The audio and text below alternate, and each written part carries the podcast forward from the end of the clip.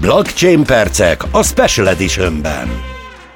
A fintech világ a blockchain percek mai adása kimondhatom formabontó lesz, hiszen eh, két nagy tudású fiatalember érkezett a stúdióba, Kajum Dániel vezeti, és Bátorfi Boton pedig mondja a tudományt, a környezetvédelmi jelentések blockchainen megjelenését. Hát alig hiszem, hogy ilyen van. E, igen, óriási kollaboráció ez a blockchain percek és a zöld pénzügyi percek között. A mai nap az ESG, ESG területéről fogunk beszélni, pontosabban az ESG reportingról, a jelentésekről. Maga ez az ESG, ez a mozaik szó egy egyre több területen megjelenő kifejezés, a körülötte végzett diskurzus azonban különböző szinteken jár. A mainstream sajtóban főleg vállalatok környezetvédelmi lépései kapcsán főleg pozitív fényben jön elő, a pénzügyi szektorban azonban már több a kritika, ma ezeket fogjuk kibontani jobban, és megvizsgáljuk, hogy hogyan lehet szerepe a blockchainnek a problémák megoldásában. Itt át is adnám a szót Botonnak. Kérlek, vezess be minket abba, hogy mit is takar ez a terület, és milyen kritikák fogalmazottak már meg az ESG reportinggal kapcsolatban. Alapvetően szerintem érdemes lenne egy definícióval indítani, bár már mi is sokszor elmondtuk, de, de érdemes a nulláról kezdeni. Ugye az ESG az egy mozaik szó, aminek a három betűje az az Environmental, Social and Governance kifejezéseket jelöli. Ezt nagyjából úgy lehet lefordítani, hogy környezeti, társadalmi és vállalatirányítási tényezőkről van szó, amit a vállalatok esetében elvárunk, hogy figyelembe vegyenek a működésük során, illetve hát ideális esetben elvárnánk.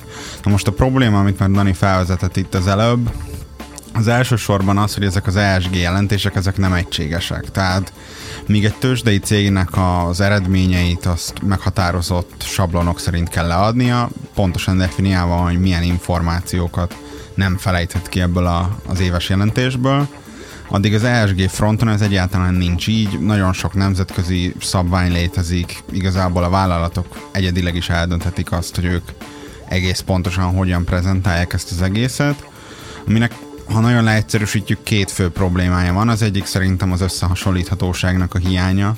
Tehát mivel nincsen az a bizonyosság, hogy ABC információt meg fogom találni az összes vállalatnál, ezért nem tudom őket összemérni. Lehet, hogy az a mutató, amit az egyik használ egy bizonyos tevékenységnek a leírására, környezetvédelmi szempontból például, azt a másik más definíció szerint használja, és ezáltal ugye a tőzsdén gyakorlatilag az elemzés is nagyon megnehezül. A másik probléma pedig, pedig a szelekció, így fogalmaznék talán. Minden vállalatnak lehetősége van, mivel nincs egységes szabvány az ESG jelentések esetén, ezért lehetőségük van azt kidomborítani a saját tevékenységükből, amire büszkék. Tehát, hogyha nekik van egy olyan aspektus, mondjuk a működés vagy a gyártás folyamán, ami fenntartható, akkor felfűzheti el köré a riportot, hogy ő erre mennyit költött, és ezzel mennyire foglalkozik, és ez egy zöld vállalat de mivel nincs meghatározva az, hogy mindenről e, egyformán szónak kell esni, ezért igazából ki tudjuk kerülni azt, hogy, hogy az igazán kellemetlen információk felszínre jöjjenek, és ez igazából a greenwashing egyik formája, nem az a formája, amikor hazudunk valamiről, és hát a vállalatok hazudnak, hanem az a formája, amikor egy viszonylag jelentéktelen dolgot az előtérbe helyezek, igazából rázoomolok a zöld részére a vállalatomnak, úgyhogy ne is látszódjon a többi, és ezáltal úgy tud minket megtéveszteni mondjuk egy cég, hogy alapvetően abból, amit róla tudunk, vagy amit belőle látunk, meg vagyunk róla győződve, hogy ez egy nagyon fenntartható vállalat, miközben a valóság az egyáltalán nem így néz ki. Én még itt egy picit messzebb is mennék, mint Boton. Tehát említetted, hogy kiválaszthatják, hogy milyen adatokat fognak megosztani ezek a vállalatok. Viszont én azt mondanám, hogy még nagyobb mértékben hiányzik a hitelesség. Ugyanis nagyon sok adat saját bevalláson alapul, vagy harmadik szolgáltatótól érkezik, és ezeknek a harmadik szolgáltatóknak is nagyon nehéz felmérni a hitelességét és a blockchain éppen ezt a transzparenciát, hitelességet hozhatja el az ESG területére is. A blockchain hálózat ugye időrendi sorrendben állít be adatblokkokat, adott esetben nyilvános, adott esetben pedig privát adatbázis is lehet. Elméletben lehetséges a vállalatok számára, hogy az ellátási lánc minden egyes lépéséről valós időben rögzítsenek különböző adatokat. Vegyük most példának a kibocsátási adatokat, egy adott gyártási folyamatban melyik részfolyamat mennyi széndiokszid kibocsátással rendelkezik mondjuk. Um, hogyha egy, egyszer már rögzítettek egy adatot a blockchainre, akkor az uh, könnyen visszakövethető, ugye időrendi sorrendben van, de ami még fontosabb, hogy megmásíthatatlan. Év végén, na jó, ez elég uh, konteus meg, megszólalás lesz, de évvégén nincs arra lehetőség, hogy visszamenjen egy vállalat, és megváltoztasson néhány adatot, hogy kedvezőben jöjjön ki neki. Te hallottál már ilyet, hogy valaki ezt megtenné? Hát nem. Hát, nem. alig hiszem. Hát igen, tehát hogy sajnos ez egy lehetőség, főleg annak fényében, hogy még auditálva sincsenek gyakran az ESG adatok. Na most a blockchain ezt meg tudja akadályozni, akár elméletben, de akár gyakorlatban is. Egy sörgyártó vállalat már ki is próbálta, hogy hogyan lehetne felhasználni egy az sörgyártó. Hát Pont egy, egy sörgyártó. Igen. Uh-huh. Hangosan gondolkodom itt magam a fejemből kifelé, hogy miért pont egy sörgyártónak jut eszébe blockchain ESG összefüggéseket keresni, de nekem tetszik. Ugye a blockchain felkapott is, és... Csak nem egy artizán sör, sörgyártó. Nem, az egyik legnagyobb név, az egy most nem akarunk a kimondani. Vörös csillag? Igen, igen. Jó, hát akkor így már mindenki tudja. Szóval ezt a blockchain megoldást az ellátási láncukba építették be. Pontosabban komlószállítmányokat követtek végig a, termő, a termelőktől, egyenesen a sörös üvegekig. Tehát Indiából az IPA elindul, és akkor úgy jön, azt nézik végig, vagy... Jó, ne, csak hülyeségeket kérdezek, mert honnan tudnád, hogy milyen komlóval dolgoznak? Nem ez a lényeg, hanem amit elmondasz. Rám ne figyeljen a kedves hallgató, mondom mindig, hogy a tudomány a fiataloknál. Hát valamelyik termelőtől, igen. Öt különböző komlószállítmányt és annak, azoknak az életciklusát követte végig ez a vállalat. Pontosabban azt nézték meg, hogy üvegenként mennyi vizet és üzemanyagot használtak fel, mekkora volt az üvegek környezeti lábnyoma, és hogy ez hogy néz ki kibocsátás vagy széndiokszid kibocsátás szempontjából. Ezt egyébként egy QR kódon keresztül tudták leolvasni a vásárlók, és így biztosítottak teljes transzparenciát azzal, hogy egy üveg sör elfogyasztása, az mekkora kibocsátással is jár valójában. Már meg is fogtuk így a blockchain főértékét ezen a területen, hitelesen vonhatja adott esetben felelősségre a vállalatokat a kibocsátásaikkal kapcsolatban.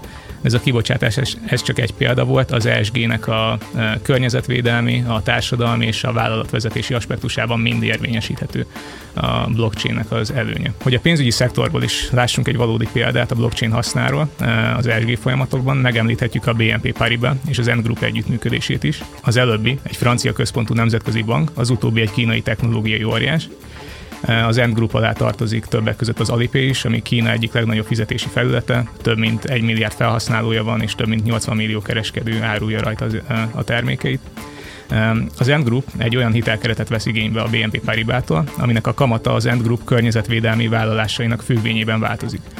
Ha az End Group nem teljesíti a vállalásait, akkor magasabb a kamat, többet kell visszafizetni a felvett hitelre, viszont hogyha teljesíti őket, akkor a kamat is alacsonyabb lesz, és akkor kevesebb lesz a törlesztő, vagy alacsonyabb lesz a törlesztő részlet. A vállalások között olyan célok szerepelnek, mint a karbonsemlegesség elérése, a megújuló energia fokozott használata, valamint az éves árbevétel egy részének külső projektek felé fordítása, az ilyen projektek alatt főleg a biodiverzitás megőrzését, valamint a környezet megóvását segítő projekteket kell elképzelni. És mindezt, mindezeket a törekvéseket, meg hogy hogyan haladnak, azt egy blockchain rendszeren követik végig. Igaz, hogy az Endgroupnak egy saját fejlesztése, de itt a BNP Paribas és az Endgroup közösen egyenlő felekként tudják követni, hogy mi hogyan alakul.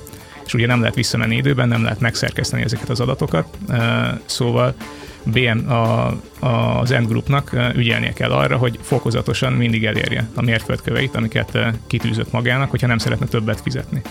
Természetesen lehetünk cinikusak, és mondhatjuk azt, hogy marketingfogás, vagy nem vállalt olyan célokat, amiket egyébként nem tudnak teljesíteni, vagy nem vállalt olyan kamatokat, amiket nem tudnak kifizetni, de mégiscsak egy nagyon üdvözölendő lépés, mert a nemzetközi szinten, meg Magyarországon is most főleg azt látjuk, hogy a környezetvédelmi fenntarthatósági törekvéseket megpróbálják ösztönözni, de a környezet romboló viselkedést nem feltétlenül büntetik megfelelően, mondjuk a pénzügyi szektorban, ahol könnyebb lenne mondjuk átállni fenntartható praktikákra, mint mondjuk egy gyári ipari területen.